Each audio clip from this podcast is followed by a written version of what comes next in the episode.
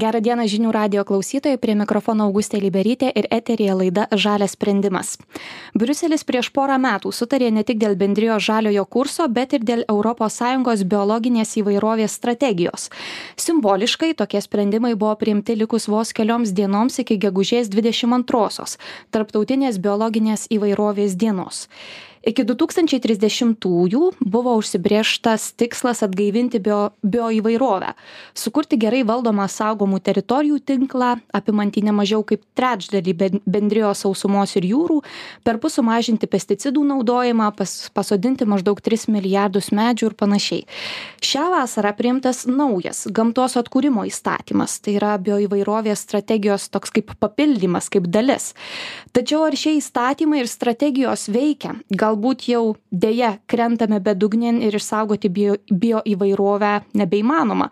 Apskritai ar įmanoma atkurti išnykusią ar nykstančią natūralią gamtą? Apie tai šiandien ir kalbėsimės ir mūsų studijoje yra viešnia ieva budraitė žaliosios politikos instituto direktoriaus pavaduotoja. Sveiki. Sveiki.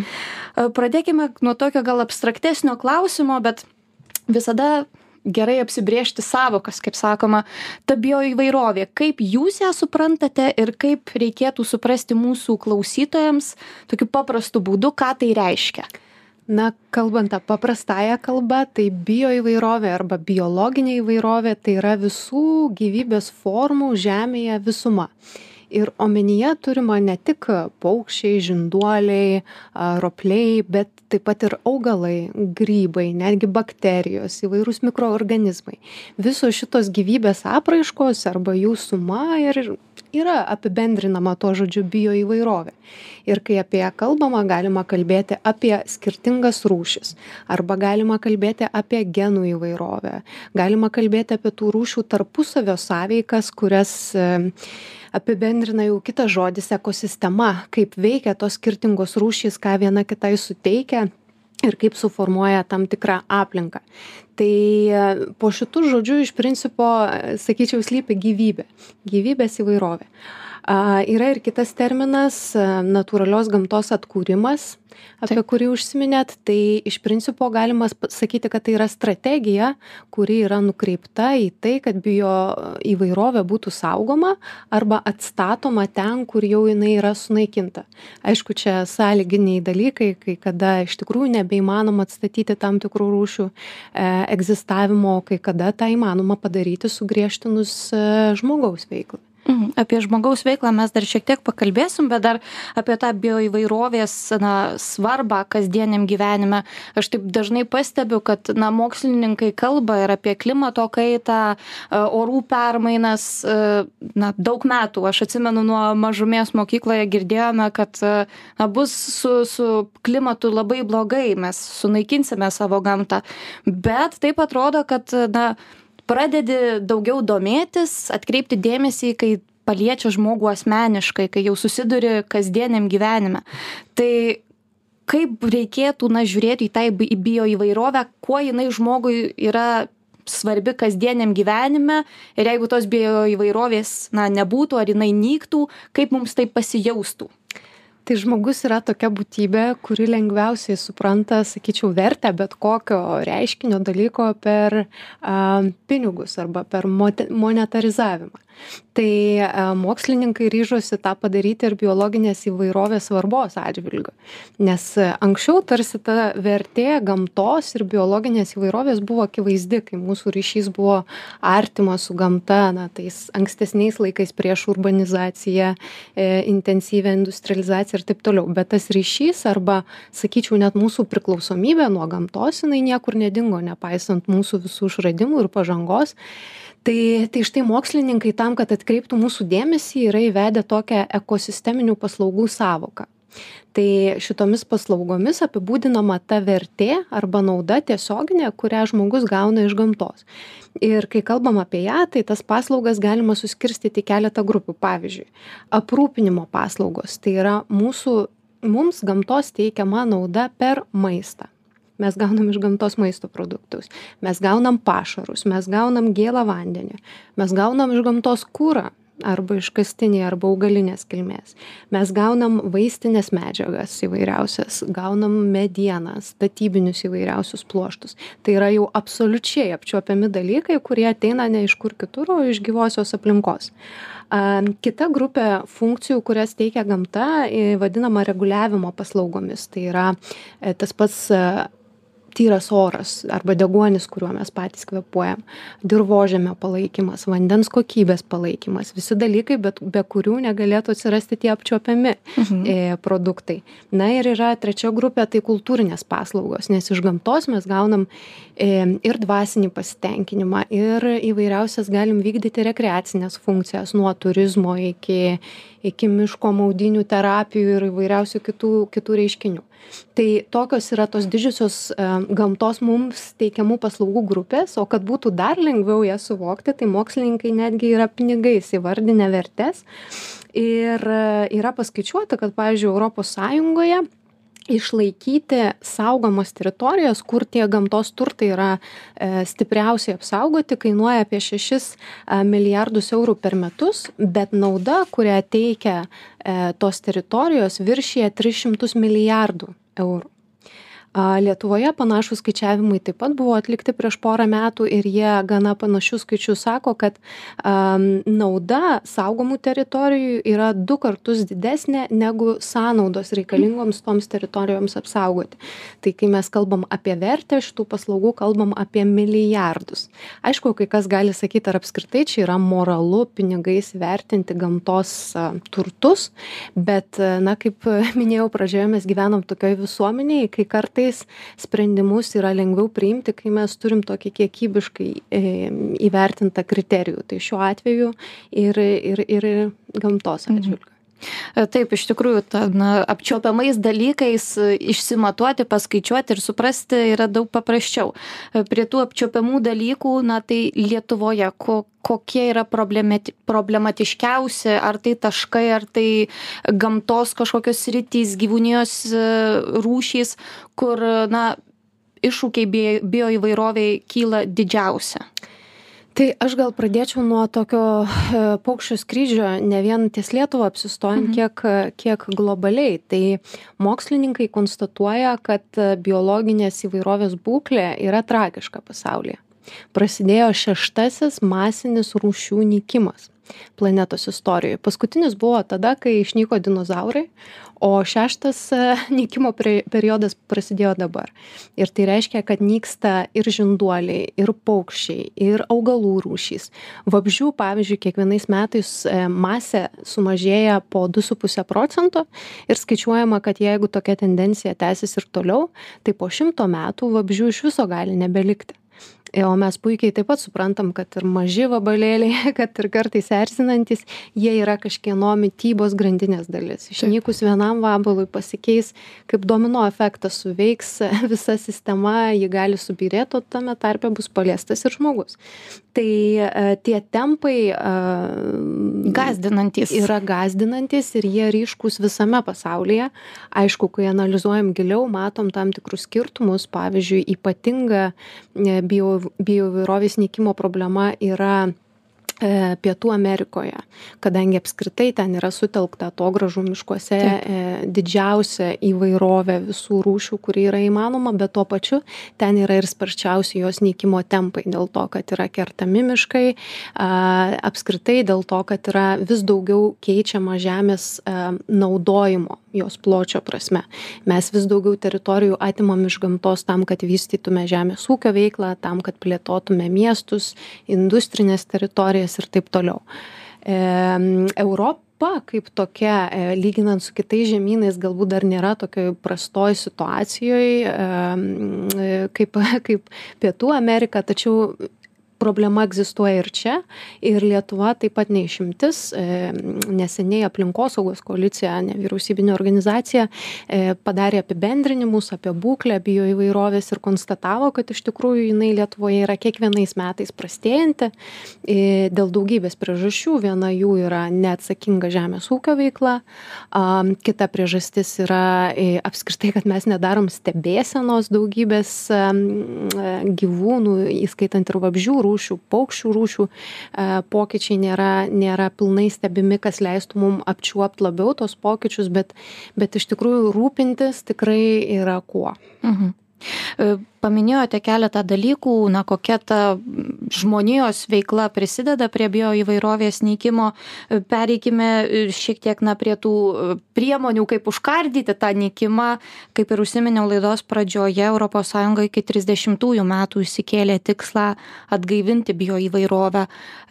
Kaip jums skamba ši data ir ar realistiškai žiūrint įmanoma na, per kiek liko aštuoni metai, e, kažką tokio padaryti, kad na, gamta tikrai atsigautų ir bent jau kažkur į minusą neitų, nebūtų papildomo nykimo na čia toks e, iš tikrųjų sudėtingas klausimas nes europos sąjunga jau buvo užsibrėžusi tikslą prieš daugiau negu porą dešimtmečių buvo užsibrėžta e, iki dvidešimtųjų metų sumažinti biologinės įvairovės nykimo tempus ir tas nebuvo realizuota.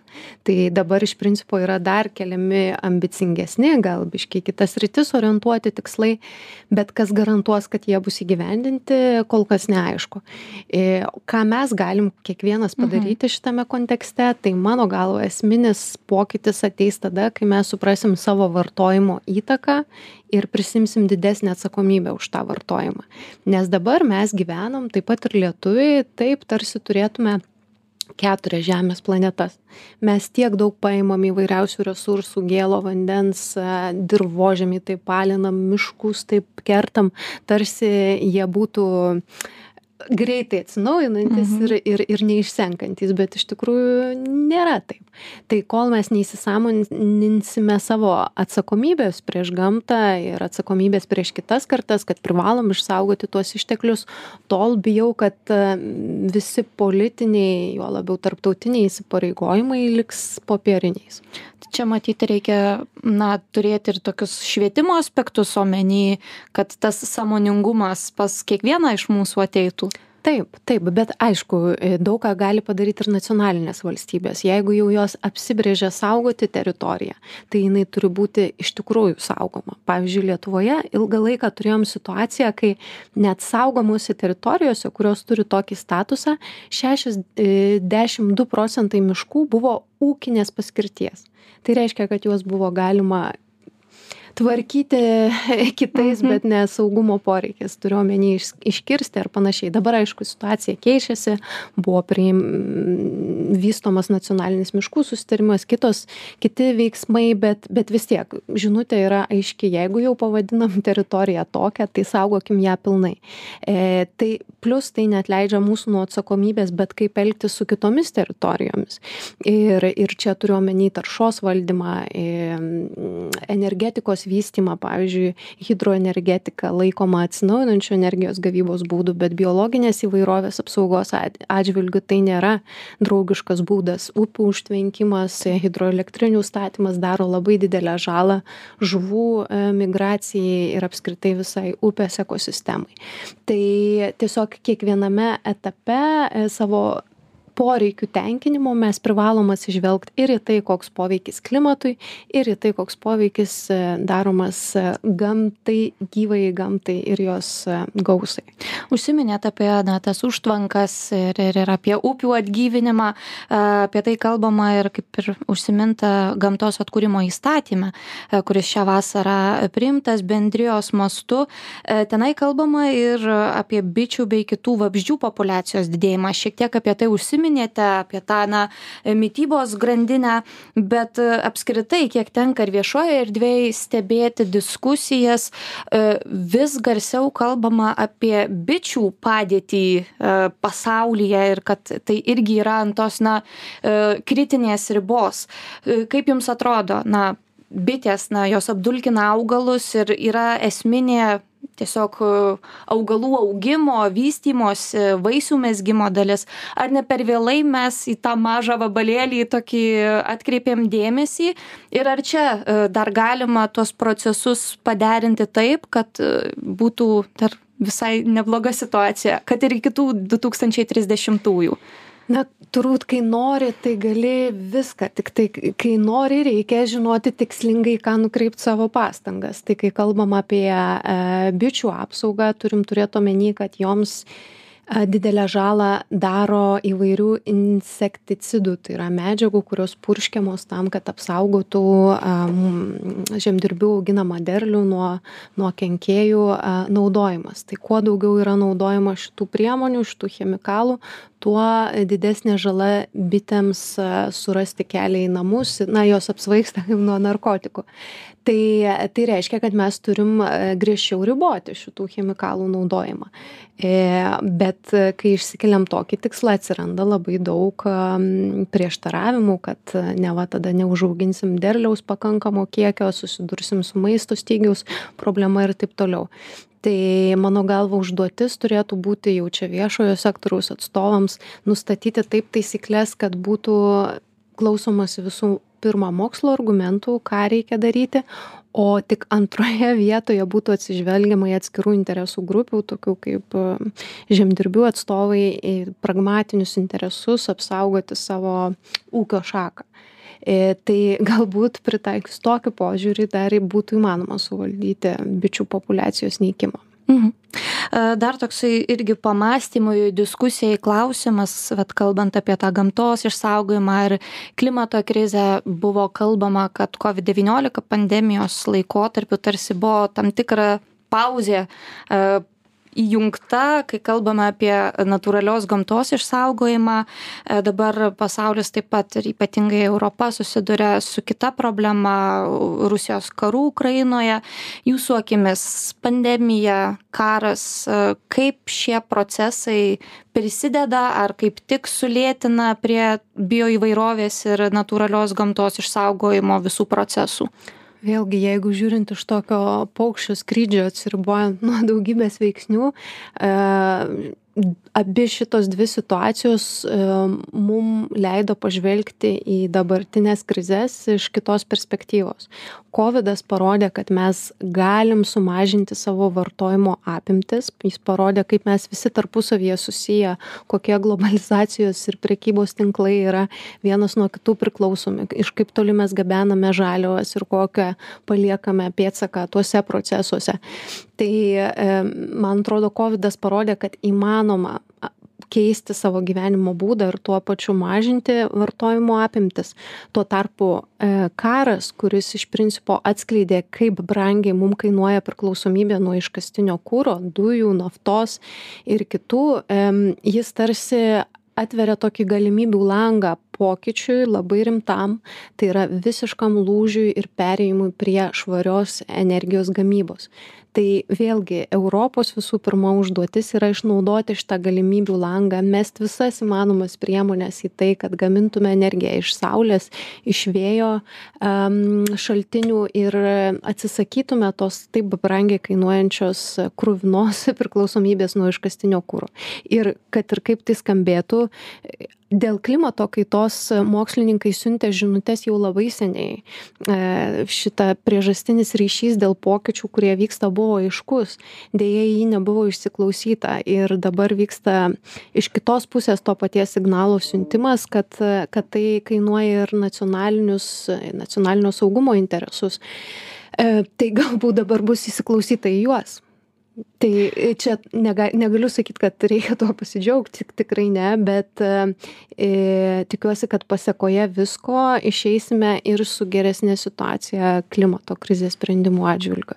Reikia to palinkėti briuselio lyderiams kad tikrai kaip ir sakote šituo galimybių langu atsidariusiu būtų pasinaudota ir kartu ir smūgis būtų ekonominis agresoriui ir kartu e, išeitumėme saugesni ir žalesni iš šitų krizių. Ačiū jums už diskusiją mūsų klausytojams primenu kad kalbėjomės su ieva budraite žaliosios politikos instituto e, direktoriaus pavaduotoja. Ačiū jums labai už diskusiją.